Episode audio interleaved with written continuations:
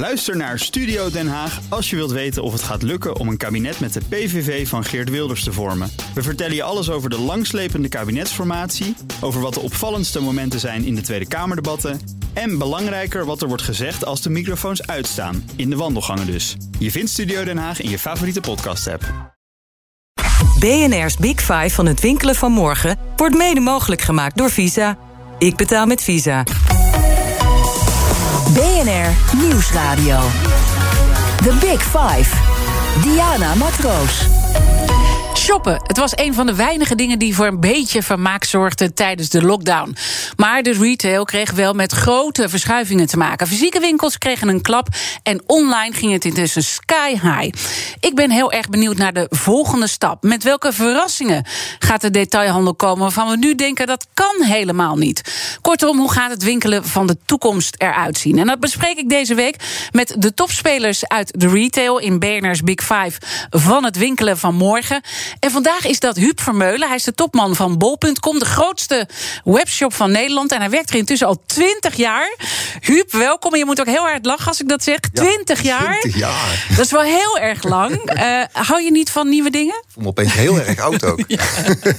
ik hou wel van nieuwe dingen. En uh, daarom werk ik al 20 jaar bij bol.com. Het moet allemaal heel leuk geen zijn. jaar is hetzelfde. Ja. We, we, vinden onszelf opnieuw uit, uh, steeds opnieuw uit. En, en dat geldt dan voor wat we doen richting de markt. Maar het geldt ook voor de organisatie zelf. Want een, een bedrijf wat zich zo snel ontwikkelt. Ja, ik zeg wel eens: Bob.com is één groot bedrijfskundig experiment. Uh, en, want elke zoveel jaar proberen het weer op een iets andere manier te doen met elkaar. En dat is ook nodig. Dat is nodig om die groei te volgen. Dat is nodig om de ontwikkelingen van, van waar klanten en, en, en, en partners heen gaan, om die te volgen. We gaan daar natuurlijk dit uur ook een beetje naar dat experimenteren kijken. Dan komen we op een gegeven moment ook bij het winkelen van morgen. Maar toch nog eventjes terug, want dat zegt ook heel veel over vernieuwingen. Terug naar het begin. Denk je daar nog wel eens aan terug? Toen dat heel klein begon, als een kleine webshop. En het ging om boeken en cd's. Ja, ja natuurlijk denk ik daar wel eens aan terug. En uh, het is een bijzondere tijd geweest. En in, in zekere zin... Um, is het een tijd ook die er weer een beetje terug is. Want toen Bob.com begon, was e-commerce een hype. Hè? En, dat begon onder andere omdat de rentes laag waren en er heel veel geld aan de zijlijn stond. En er heel veel geïnvesteerd werd in nieuwe ideeën. En, en dat herhaalt zich. Hè? We zitten nu weer in een tijd dat er heel veel geïnvesteerd wordt uh, in nieuwe ideeën. Uh, maar wat je toen zag was dat er heel veel ideeën waren die ongeveer goed waren en verschrikkelijk faalden. En sommige deden het dan wel. En ik vraag me ook altijd af welke ideeën van vandaag zijn bijna goed en welke zijn echt goed. Dus het is in die zin denk ik juist veel terug aan die tijd, juist nu, nu we weer. Ja, dus dat, er is heel interessant. En is er dan één ding wat we in ieder geval moeten onthouden in het komende uur waarvan je zegt, ja, dat gaat wel echt groot worden? Nee, ik heb niet. serieus. Je gaat niet Ik- nu met nee, het ei nee. van Columbus Ik, komen. ik, was het maar waar, want dan, dan zou ik vertellen dat wij dat morgen gingen doen als ik het gevonden had. Er zijn heel veel eh, interessante ontwikkelingen Ja. die, die, die, die gaande zijn. Ik ik vind ook eerlijk gezegd dat er wel heel veel geïnvesteerd wordt in dingen waarvan ik niet helemaal zeker weet of die nou zo bijzonder zijn. Noem eens wat. Nou, ik- er, er is er een, er een bedrijf, de naam is me even ontschoten, uit, uit Polen, wat in, in lokkers zit, wat dan opeens honderden miljoenen waard is. Hè, en van die lokkers om pakketten op te halen. Dat ik me afvraag van waarom wordt dat zo hoog gewaardeerd? En misschien zie ik iets over het hoofd. Dat zou echt kunnen. Hè? Maar ja, want die last mile, dat gevecht over Ja. wie bij die voordeur komt, dat is wel een hele belangrijke. Ja, Dus ja. die lokker speelt daar natuurlijk wel op in. Natuurlijk, en die lokkers die, die hebben ook een toekomst, dat geloof ik. Mhm. Maar is zo'n bedrijf dan opeens honderden miljoenen euro's waard? En dat, dat is wel de tijd waarin we leven. Dat mensen, dat investeerders hele grote gokken nemen op hele lange lijnen naar de toekomst. En op zich is dat spannend en dat gaat ook denk ik een aantal keren flink fout. En dat weten die investeerders ook wel. Maar het is ook wel een kans, want dit zijn wel de tijden waarin echte nieuwe businessmodellen de ruimte krijgen om te ontwikkelen. Want er, staat echt veel, heel, veel, Ja. veel geld aan die zijlijn. Eh, voordat we komen waar jullie op in gaan zetten, hè, als het gaat om die toekomst, eh, als je dan even terugkijkt, het begin en naar nu, eh, zijn jullie gewoon een gigantisch groot bedrijf geworden. Intussen werken er 2000 mensen, hè, dus dat is een heel groot verschil met toen. Een miljarden omzet. Jullie zijn onderdeel geworden van Ahold Delhaize, actief in eh, België. Kortom, veel meer verantwoordelijkheden. Sloopt dat je ook wel eens als topman? Nou, ik word niet gesloopt door bol.com. Dat zou heel ongemakkelijk zijn.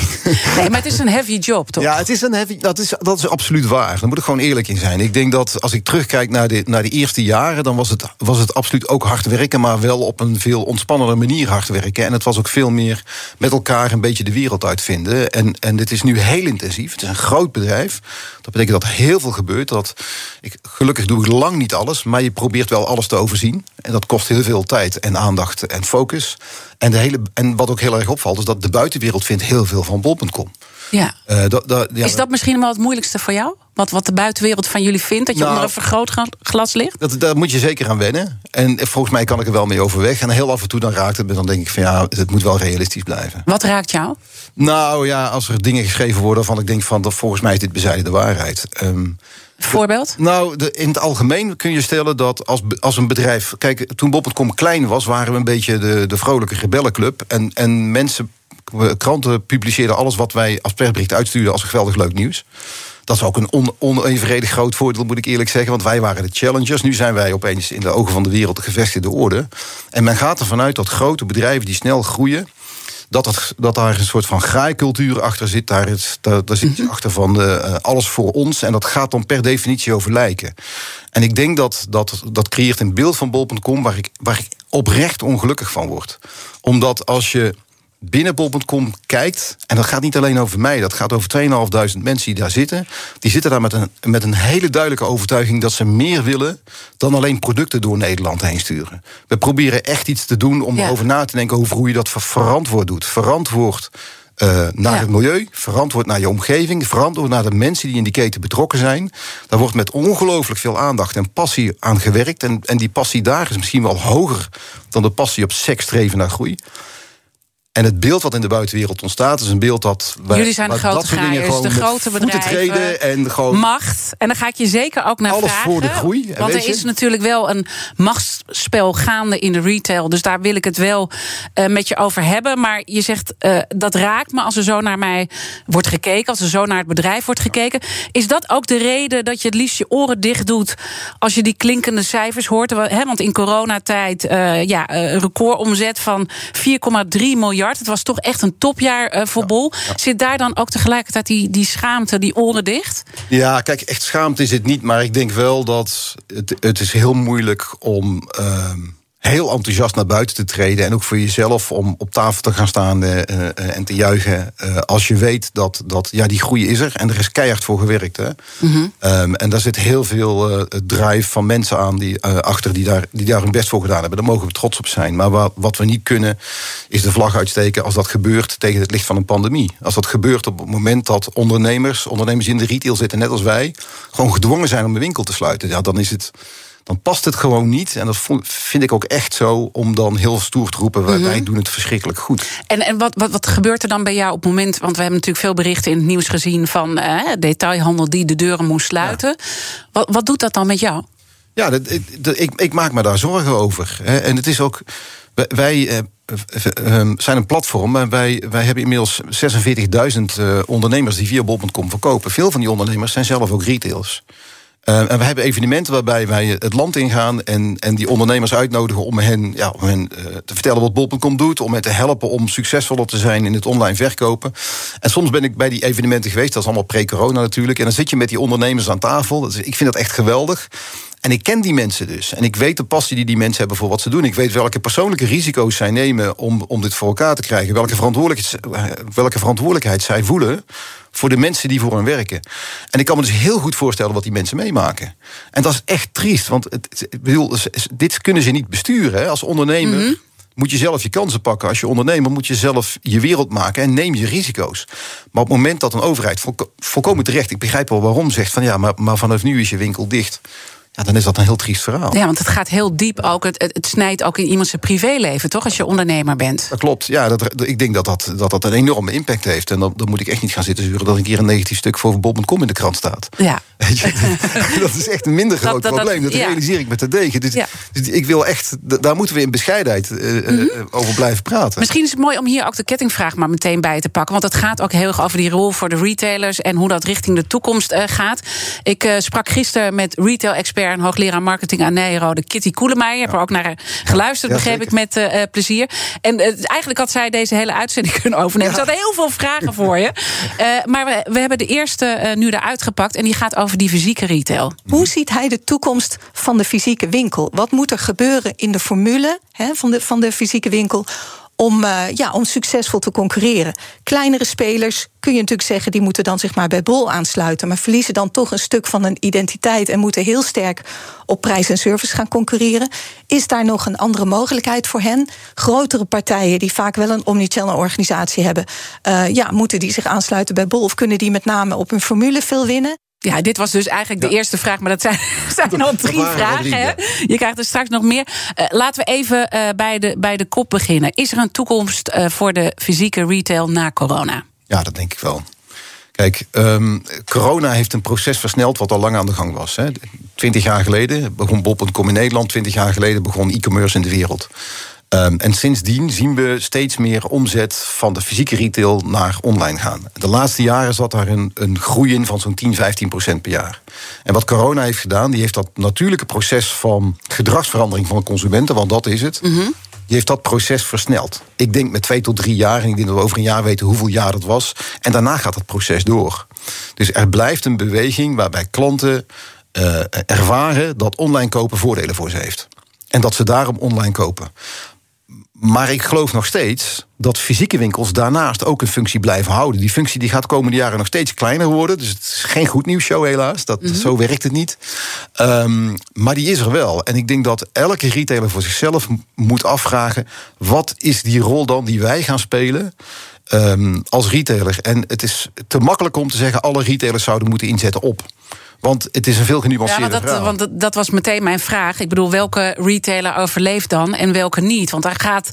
He, je zegt het is geen goed nieuws show. Er gaat een shake-out komen. Ja, en ik denk dat als je ziet waarom mensen voor online kiezen, dat is heel simpel. In online heb je een brede keuze. Het is gemakkelijk. En als het dan betrouwbaar is, dan, dan kiezen mensen daarvoor.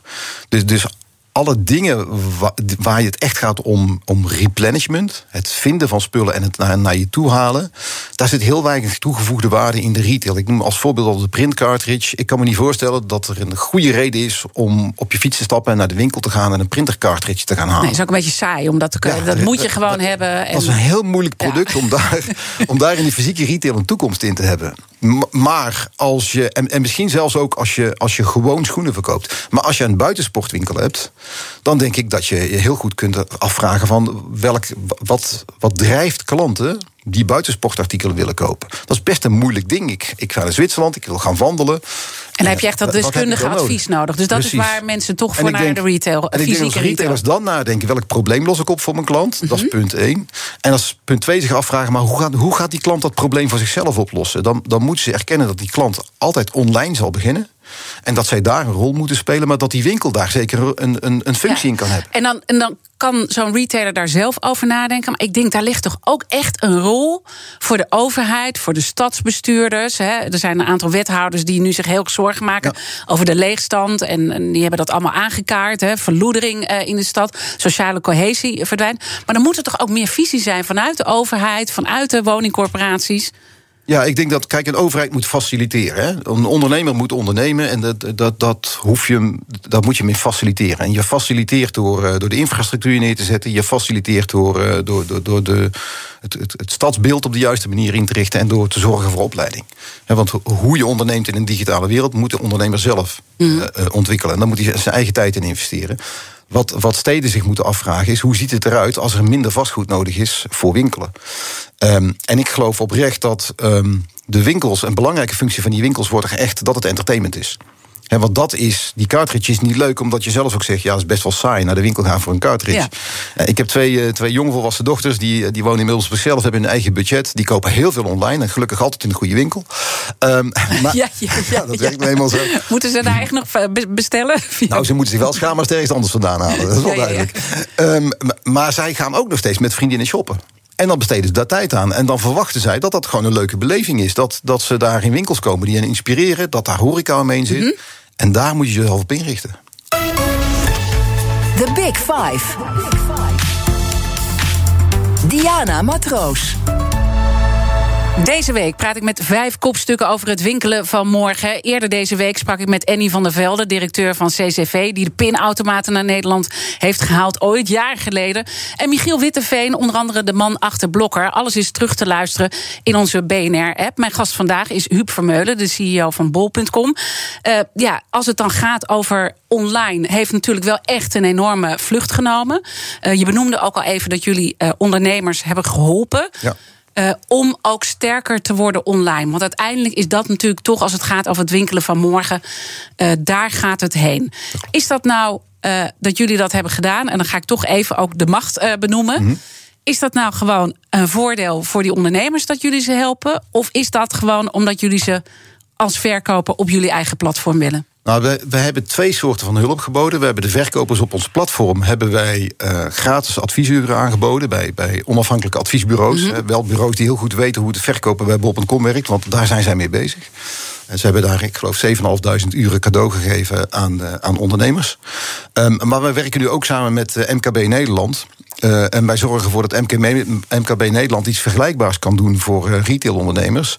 Um, uh, en hen kan helpen met, met gratis advies via gerenommeerde partijen om zich te verdiepen in hun online strategie. En daar zijn wij totaal niet mee bij betrokken welke bedrijven dat zijn in, uh, partner, in de kennispartners. En ook niet wat, wat zij die, die retailers gaan adviseren. En, en als die retailer besluit dat zijn digitale strategie, dat bol.com daar geen rol in speelt, dan heb ik daar in principe vrede mee. Ja, maar hoeveel procent van degenen die jullie hebben geadviseerd, samen met MKB, weliswaar via een andere mm-hmm. constructie, is uiteindelijk op bol.com zich aangesloten? Nou, bij MKB weet ik dat niet, want het project is net begonnen. En daar is heel veel animo voor. Maar ik heb nog niet gezien wat de effecten daarvan zijn. Mhm. Mm-hmm. Uh, en voor onze eigen partners, ja, die zaten al op ons platform. Maar, maar wij maar vinden. Het is gigantisch groot, hè? Ik bedoel, ja. jullie gaan steeds meer toe. Eigenlijk dat jullie een zoekmachine uh, worden. En dat er dus eigenlijk geen eigen spullen meer door jullie worden verkocht. Maar dat het allemaal winkeltjes zijn. En, en, en, jullie brengen dan uh, allerlei voordelen voor zo'n ondernemer bij elkaar.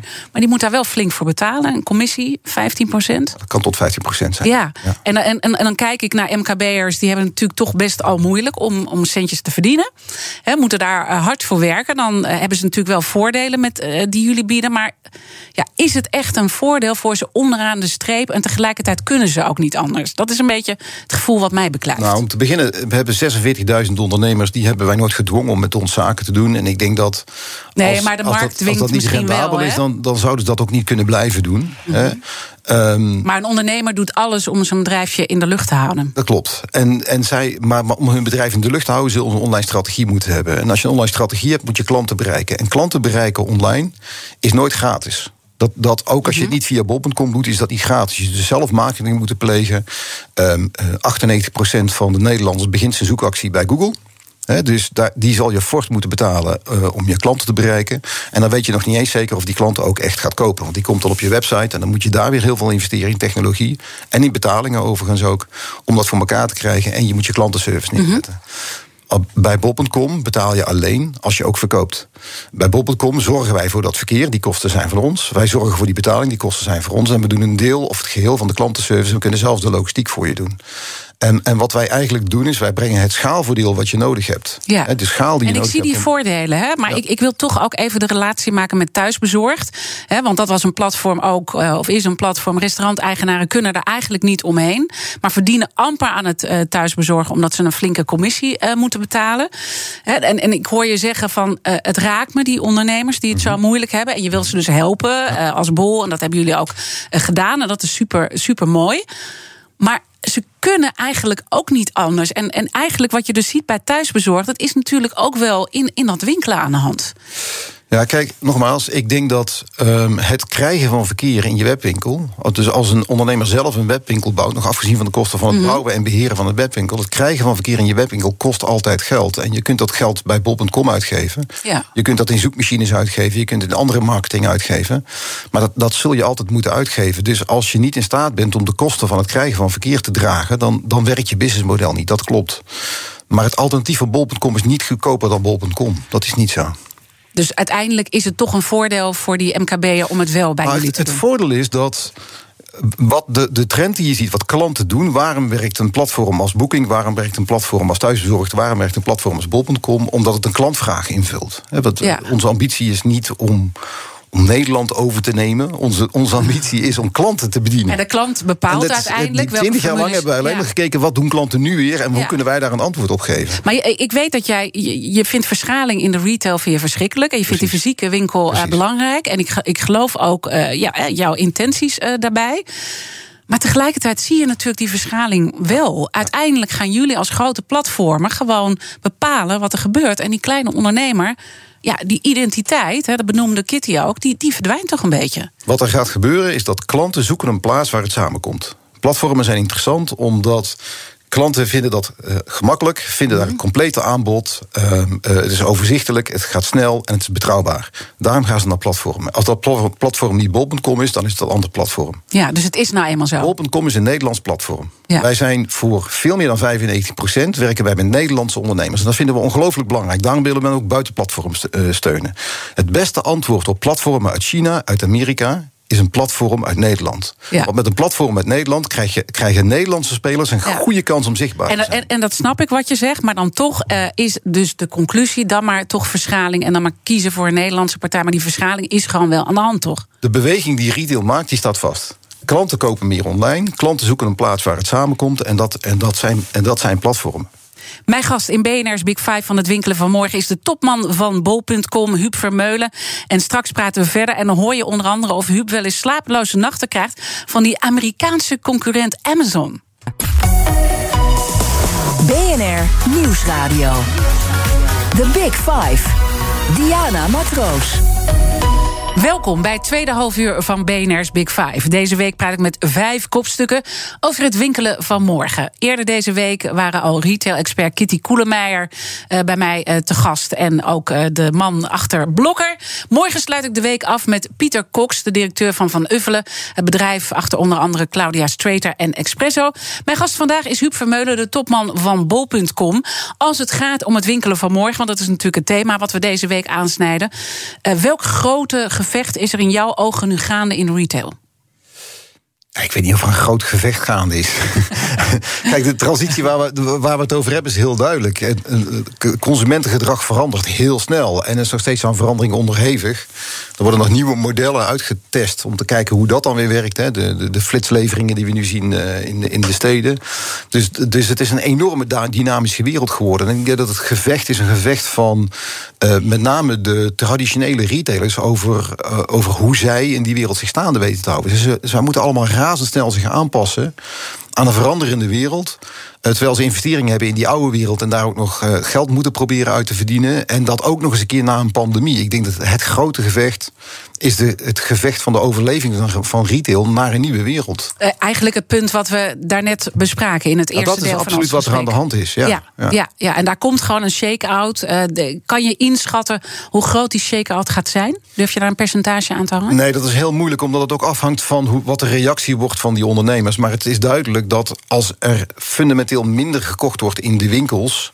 Eh, dan zal een deel daarvan opgevangen worden door slimme omnichannel strategieën. Maar een deel daarvan zal ook verdwijnen. Dat, dat is Ja. niet anders. En vreemd genoeg heeft corona dat verdwijnen een beetje uitgesteld. Want je ziet dat eigenlijk minder fa- faillissementen waren in dit jaar dan de jaren daarvoor. En dat, die jaren daarvoor werden die faillissementen ook door dit soort fenomenen gedreven. Dus je kunt verwachten dat als corona voorbij is en de, en de wereld normaliseert, dat er dan toch weer een correctie komt. Ja, Eh, nou is er een recent eh, rapport geweest van de denktank eh, Denkwerk. En dan komen we ook een beetje op het punt van eh, big data. Wat natuurlijk heel erg belangrijk is als het gaat om die toekomst. En bij deze denktank zitten ook bestuurders als Fijke Siebesma en Hans Weijers. En eh, daaruit blijkt dat als kleine ondernemers data verzamelen, analyseren en met elkaar delen, ze prima zonder de grote techbedrijven kunnen. En dus ook prima zonder wol. Ik zal je heel eerlijk zeggen, ik heb een stukje in het FD gelezen van deze denktank. Ik heb het twee keer gelezen en ik begreep er helemaal niks van. Misschien heel onaardig naar die mensen, Ja. misschien was het niet goed opgeschreven. Ik kijk, data speelt een enorme rol in deze wereld. Ehm, iedereen, ook kleine ondernemers, moeten datagedreven acteren. Hè, het idee dat. eh, ik sprak ooit, met iemand die, die, die verantwoordelijk was voor een aantal winkels. En, en ik zei van, joh, het is wel interessant, want omdat je steeds dezelfde winkel hebt in andere steden, kun je, kun je zien hoe de ene winkel doet ten opzichte van de andere. En kun je op basis van de verschillen krijg je een soort datapunt van hé, hey, dit, als ik dit nou verander in die winkel werkt ook. Zei, nou, dat, dat hoeft voor mij mij niet, want ik, ik doe dit al twintig jaar. En ik kijk gewoon naar zonder de, zonder de, de vent geen tent. Nou, dat was ook redelijk, denk, nou, het kan ook een vrouw zijn, maar goed. Zonder de vent geen tent. Nee, dat is iets En- dat is een andere discussie. En toen dacht ik van ja, maar, maar dat is dus niet de toekomst. De, de, de- iedereen zal datagedreven moeten opereren. Je zult Ja, maar dat zeggen kijken. ze toch wel? Ze zeggen van, Ja. eh, maar ze kunnen dat prima eh, zelf. Als die kleine ondernemers zich met elkaar verbinden, Ja. dan die data verzamelen, analyseren en delen. Ja, maar, maar de data waar we het over hebben, als we het hebben over big tech, het soort data wat Google verzamelt, is op een zo'n ander niveau, op zo'n veel hoger aggregatieniveau. Dat, als je, dat dat soort data bouw je als winkels helaas niet op. En als je die data dan hebt, hoe ga je er dan mee om? Want wij hebben ehm 2.500 mensen werken bij bol.com en de helft daarvan zit, zit in de tech. Wij zijn inmiddels veel meer een techbedrijf geworden. En dan kunnen we wat met die data doen. Dus dan kom je toch weer terug bij het feit dat die eh, grote platformen. Het is gewoon een platformeconomie geworden. En of, eh, de coronatijd heeft dat nog verder versneld. Ja, het, het, het- de retail wordt heel erg technologie gedreven, zoals Mhm. alles technologie gedreven wordt. En dat geldt niet alleen voor retail. En als je met techniek aan de slag wil, ja, dan, moet je, dan moet je daar fors in investeren. En heb je schaal nodig om die investeringen terug te verdienen. En neem ons dan eens mee, wat is dan eh, als het gaat om ons gedrag voorspellen? Hè, want de consument is dan ook weer eh, leidend eh, hierin. Maar wij worden ook steeds meer geleid door data. Wat is er nou iets dat in de toekomst gaat gebeuren, wat, wat ik me nu nog niet kan voorstellen? Ja, volgens mij moeten we het ons allemaal kunnen voorstellen. Ik denk dat. dat Nou ja, je hebt over het verleden wel eens gezegd van er zijn dingen de realiteit geworden die we nooit hadden kunnen voorspellen op dat moment. nou, ik denk dat er was een tijd dat mensen niet eens geloofden dat mensen schoenen online gingen kopen. Dus, en dat is echt niet zo heel lang Nee, geleden. dus wat gaan we nu doen? Eh, w- want jij zit daar veel meer in dan ik. Waarvan ik zeg: nee, joh, dat ga ik echt niet doen. Nou ja, ik, ik, ik, ik zie geen dingen waarvan ik denk dat je dat niet kunt voorzien. Want ik denk dat die online trend zich gaat doorzetten. Ehm, ik denk dat wij ehm, ehm, nog veel meer online gaan kopen. Eh, en ik denk dat wij nog veel meer gaan verwachten van. Eh, online kanalen, dat zij zich op ons aanpassen.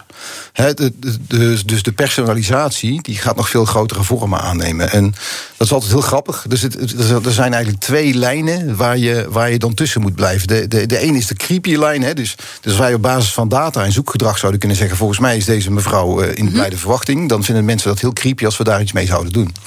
En toch kun je soms op basis van gedrag zou je dat kunnen concluderen. Dus dat, dat als, als we dat al zouden kunnen, dan gaan we dat dus niet doen... want dat vinden mensen heel creepy. Maar als ik iemand, een, een, een- student die alle festivals afgaat en een vrij leven leidt en volledig eh, eh, eh, onafhankelijk is, als ik die opeens pampers ga voorschotelen, dan zegt hij van bol.com, waar gaat dit over? Ja. Snap je mij eigenlijk wel? Dat Houd is, de, even en dat is de stupid line. Ja. En, en, en die stupid line die gaat omhoog. Mensen gaan compleet verwachten dat een, dat een winkel, een online winkel en misschien ook wel een fysieke winkel, echt begrijpt waar ze naar op zoek zijn voordat ze dat zelf hebben verteld. Omdat het heel, heel normaal wordt dat, wij, dat we weten Mhm. dat een webwinkel weet wie ik ben, dat een webwinkel weet wat mijn interesses zijn. En we vinden het heel ongemakkelijk straks dat die dat niet weten. Dat ik word gebombardeerd met aanbiedingen voor producten die niet relevant Dus die kant eh, gaat er toch zijn. steeds meer op dat jullie toch steeds meer van ons gaan eh, verzamelen, omdat we dat gewoon zelf willen uiteindelijk. Nou, we gaan alleen maar wat je, van je verzamelen, wat ook toestemming vergeet wat van je Nee, maar verzamelen. dit is wel een moeilijke discussie eh, natuurlijk. En we komen Ja. straks ook op andere internationale Ja. spelers die jij natuurlijk ook al hebt benoemd. Ja. Eh, ja, ga- gaan de techspelers hier allemaal wel zo netjes mee om? Ja, ik vind dat een hele goede vraag. En ik denk dat als je kijkt naar, naar big tech, hè, en dat zijn maar een paar bedrijven inmiddels, dan denk ik dat, dat de wetgever, dat Europa zich nog behoorlijk naïef opstelt over wat daar aan de hand is. Ik denk dat de macht die ligt bij die grote spelers, en daar, zijn, daar, daar horen wij echt niet bij. Wij kunnen daar een weerwoord op geven als lokale speler, omdat we Nederland begrijpen en Nederland proberen te bundelen en zeggen: jongens, laten we dit nou samen doen. Want dit, dit kan niemand alleen. Ehm, de macht die daar kan ontstaan, als dat, dat is wel beangstigend. Want wat, wat is de angst die jij dan hebt? Nou, kijk, als ik kijk naar een bedrijf als Google, eh, wat ik net al zei, 98% van alle zoekacties en 98,5% op de mobiele telefoon begint bij Google. Daar begint het. Dus Google weet ongelooflijk veel van je. Want of je nou een vraag stelt over hoe je een, een deur Ja. moet schilderen, over iets wat je wil kopen, of over een ziekte die je denkt dat je hebt, Google weet het allemaal. Ja, maar jullie zijn natuurlijk net zo En goed een zoekmachine. Hè? Ja, dus, dat dus klopt. Net zoals Google. Ja. Dat klopt. En wij, wij, wij zetten dat in eh, voor kopen. Wij zetten dat in op, op basis van interesses. En wij geven dat terug voor kopen en op basis van interesses binnen onze winkel. Google kan het heel breed inzetten, maar Google is niet alleen een dataverzamelaar. Google geeft ook toegang tot andere businessmodellen. Dus vanuit Google kom je bij een Booking.com terecht. Vanuit Google kom je in eh, thuisbezorgd of bij bol.com terecht of bij een ticketverkoper. Maar bij jullie indirect Het- het kan- ook, want het- jullie hebben natuurlijk ook allemaal winkeltjes onder jullie Het kan voor een bedrijf als Google eh, heel interessant worden. Is dat dan op- zo wees- wezenlijk anders? Want jullie hebben ook al die winkeltjes onder je hangen. Dus Ja, uiteindelijk doen jullie hetzelfde. Ja, maar wij zitten wel heel duidelijk in één segment. Wij zitten in het retail segment en wij zetten ons in om, om, eh, om producten aan klanten te verkopen. En dat doen we samen met ondernemers. En wij proberen die ondernemers erin te betrekken. En wij proberen hen succesvol te maken in het, eh, in het verkopen. Want dat is misschien ook een verschil. Want eh, je noemt steeds Google, maar misschien ook een Amazon erbij pakken. Amazon die maakt de producten na van de mensen, van de ondernemers die zich bij Amazon aansluiten. Dat wordt gezegd, ja. Dat wordt gezegd. Ja, ja. Ja, En dit- is dat niet zo dan? Het zou zomaar kunnen. En, maar wij doen het in ieder geval niet. Wij, ja, ik vind het het heel flauw om dit soort dingen dan te gaan zitten roepen. Want eh, kijk eens naar, de Ja. naar hun, vind ik flauw. Wat ik wel weet is dat wij dat niet doen. Ja. Lig je wel eens wakker van eh, Amazon? Nee, ik lig er van heel weinig dingen wakker. En, Maar, maar toch, hè, je hebt het over die big tech spelers. En als je dan Amazon, is gewoon een hele grote Amerikaanse partij, is gewoon bezig om de Nederlandse markt te bestormen. We hebben nu een distributiecentrum eh, hier. Je geeft juist aan, ik maak me zorgen over die grote techbedrijven. Nou, dat is Amazon natuurlijk. Die hebben ook televisie, die hebben van alles eronder hangen. Dus waar maak je geen zorgen dan? Nou, ik denk. Ik kijk er wel naar natuurlijk. En Ja. we kijken er allemaal naar. Maar ik kijk al jaren naar alle concurrenten die rondom bol.com zijn. Het is niet dat we nooit concurrentie gehad hebben. Mhm. En ik vraag me altijd af, waarom zouden klanten niet meer bij bol.com kopen? Wat, wat kunnen wij bieden? Eh, Wat kunnen zij bieden wat, wat wij niet kunnen? Wat je niet moet doen, is je blind staren op de partijen om je heen. Wat je niet moet doen, is je eigen visie waar de wereld heen gaat. Elke dag aanpassen aan de nieuwe gimmick, de nieuwe Mhm. Maar er wordt zelfs, zien. eh, eh, er- zijn dan bronnen die melden dat eh, Amazon interesse zou hebben om Bol te kopen van Ahold de Hesse. Nou, dat is heel interessant. Ja, Ik je heb hebt geen idee waar- aanbieding gehad? Geen Nee? idee waar dat vandaan komt. Volgens mij is dat Speelt, eh, kan je echt eh 100% zeggen, speelt totaal niet. Nee, speelt totaal niet. En het past ook niet in de strategie. Maar toch wel gek, want jullie zijn eh, de grootste webshop in Nederland. Als ik Amazon zou zijn, dan zou ik denk ik wil eh, Bol hebben. Amazon heeft één grote tech-stack. En copy-paste op die tech-stack is het beste. En wij hebben een hele andere tech-stack. En dat is een hele rare investering om dat te kopen. Ik denk dat zij gewoon geloven dat als ze gewoon lang genoeg proberen... dat ze ook enige voet aan de grond krijgen in Nederland. Dat zal ook best wel waar zijn. Ja. Dus je maakt je daar eh, totaal eh, geen zorgen. Waar is wel iets waar je je zorgen over maakt als het gaat over Nou, hoe je strategisch in- jouw bedrijf verder moet In gaan de breedste zin van het woord maak ik me vooral zorgen over, over toch de, de, de pluriformiteit van het Nederlandse ondernemerslandschap. Want als wij niet een antwoord hebben op bedrijven als Amazon, Mhm. op de Chinese platforms en ook Big Tech, dan, dan verliezen we wel de controle over, over heel veel. ehm, eh, Ja, Ja. En, en, en moet je dan niet toch ook, om dat dus allemaal voor te blijven, niet zelf ook andere diensten gaan verkopen? Want je zegt aan één kant, schoenmaker blijft bij je leest, Ja, hè, hoor ik ja, je zeggen. Maar daar, daar gaat de markt gewoon niet heen. De platformeconomie is een hele andere. Die hebben dus on-demand videodiensten, zoals een Amazon. Moeten jullie dat dan niet ook gaan doen, om relevant te blijven? Nee, wij zien ons wel heel zuiver eh, zitten op, eh, op de, de verkoop van producten. En, en het koppelen van andere businessmodellen is, is niet waar wij mee bezig zijn. En we denken ook niet dat het nodig is om relevant te blijven voor onze klanten. Misschien dan een andere vraag nog van Kitty Koelemeijer. Want die had een hele trits aan vragen. De retail-expert. En dit is de volgende die ze had. Ze zijn onderdeel van Ahold Delhaize. Gaat er nog iets gebeuren met de winkels? Hè? Komt daar nog een, een, ja, wordt Bol sterker vertegenwoordigd in bijvoorbeeld de Albert Heijn winkels? Of gaat Bol misschien toch zelf eh, een paar winkels openen? Zoals bijvoorbeeld Amazon ook doet en een bedrijf als Coolblue. Ik ben benieuwd. Ja, ik ook. Nee. Ja, ja. nee, kijk, wij gaan geen winkels openen. Dat staat vast. En, en als wij een, een fysieke outlet willen hebben, dan hebben we inderdaad onze zusterbedrijven waar we, waar we dingen mee kunnen doen. Je kunt daar je pakketje ook ophalen. Als je nu voor twee uur iets bestelt bij bol.com, dan kun je het vanaf vijf uur bij Albertijn ophalen. Dat is een hartstikke mooie propositie. En op die manier werken wij samen met, eh, met die winkels. En, en wij kijken voortdurend naar mogelijkheden om daar meer in te doen samen. En of dat dan aan de achterkant is of aan de voorkant, dat speelt zich op alle vlakken af. En, en daar gaan vast wel ontwikkelingen komen waar ik niet zoveel over ga vertellen. Ah, Dus- nou, maar dat dus- ga, ga ik dus wel zo meteen proberen. Want ik wil Tuurlijk, natuurlijk toch tuurlijk. echt weten... wat ga je dan wel doen? Of blijft het Ja. allemaal hetzelfde? En ben je intussen toch een traditionele speler geworden? Dat eh, straks. BNR Nieuwsradio. The Big Five. Je luistert naar BNR's Big Five van het winkelen van morgen. Mijn gast is de CEO van bol.com, Huub Vermeulen. Uh, het is een bedrijf wat ontzettend lang bestaat en waar jij ook al heel erg uh, lang werkt. En misschien is het mooi om uh, die vernieuwer die jullie eerst waren, want je denkt daar ook vaak aan terug. Daar was een van jouw collega's ook bijzonder belangrijk bij. Michel Schaefer, hij was lang ja. de marketingdirecteur van bol.com. Hij overleed in 2019, heeft jou ongelooflijk aangegrepen natuurlijk. Absoluut. Ja. je hebt heel veel bewondering voor hem. Ja, het was meer dan een collega, het was een vriend. En, Ja. en wij waren ongelooflijk gelijkgestemd, misschien ook gelijkgestemd geraakt als je zo lang zo intensief samenwerkt. Dus dat, heet, dat is echt een heel teer plekje in mijn ziel geworden, ja. En hij was een visionair natuurlijk. Ja, Michel die had altijd de derde werkelijkheid, noemden wij dat altijd. Dus wij dachten dat er twee opties waren en Michel zag altijd een derde tot onze stomme verbazing. En, en welke derde werkelijkheid zou hij eh, nu schetsen? Want ik kan me zo voorstellen dat je toch nog ergens, als hij zo belangrijk is geweest, nog met hem in gesprek bent. Ja, ik zou, manier. ik zou willen dat ik het kon vragen, maar dat kan ik niet. Kijk, ehm, de, de stelling is een beetje, ben je innovatie verloren? Hè? Want daar ga je een beetje heen volgens mij. Maar, maar Nou ja, ik ben ook vooral benieuwd van. eh de, de klopt hoor, daar heb je Ja. gelijk in. Maar ook van. Wat is er nu wel wa- waar, waar jullie echt gaan vernieuwen? Hè? Welke lessen zou hij meegeven? Gaat het, is een les in duurzaamheid? Gaat het over die last mile? Eh, gaat het over iets heel anders? er zijn een paar dingen die, mij, die, die, die de afgelopen jaren wel gebeurd zijn. En een van de dingen die mij opgevallen is, die een ontwikkeling is... wij, wij zeiden, bol.com is de winkel van ons allemaal. En de winkel van ons allemaal is voor links, is voor rechts... is voor wit, is voor zwart. Dus voor iedereen, wij hebben geen mening. Wij, wij, wij, staan in het midden. Dat kan je niet volhouden. Je, je kunt je niet, zeker niet als je zo groot wordt als bol.com wordt... maar ik denk dat niemand dat kan... je kunt je niet afzijdig houden van wat er in de maatschappij speelt. Wij staan midden in die maatschappij. Wij worden daar ook terecht op aangesproken. Wij zijn deel van die maatschappij en we hebben een brede verantwoordelijkheid. Uh, en wij moeten heel goed nadenken waar bol.com dan voor staat. En dat doen we ook steeds meer. We moeten ook steeds meer keuzes maken in dat proces. En dat is een super ingewikkeld um, en ook eigenlijk wel heel interessant proces. He, ja. En dat heeft dan te maken met um, welke verantwoordelijkheid neem je ten opzichte van je milieu-impact. Welke verantwoordelijkheid neem je ten opzichte van de mensen die voor jou en voor jou in de keten aan het werk zijn? Um, hoe ga je om met, uh, met, met je assortiment? Welke keuzes kun je um, mm -hmm. en wil je daarin maken? Super complexe discussies. Ja. Um, en dan wil ik toch maar wel heel naar, belangrijk. Ja, complex. En, en je beschrijft een breed palet, maar een concreet voorbeeld dan. Wat, wat, wat ga je doen richting die toekomst, hè, die winkel van morgen?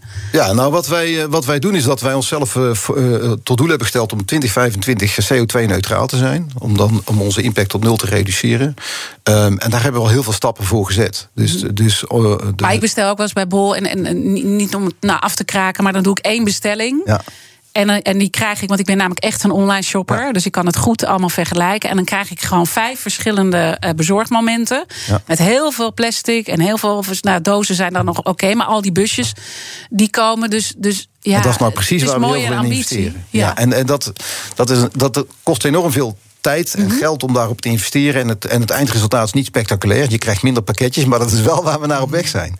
Dus, dus wat we bijvoorbeeld doen, is kijken hoe we verpakkingsmateriaal kunnen reduceren. We hebben inmiddels in onze magazijnen 11 verpakkingsmachines staan. Dat worden binnenkort 25. Dat groeit dat naar door. En die machines maken die doosjes precies op maat. We kijken ook exact hoe dik het karton moet zijn wat eronder is. Ja. We doen analyses op onze, op onze producten. Dat zijn er 30 miljoen, dus daar moet je echt wel wat, wat moeite voor doen.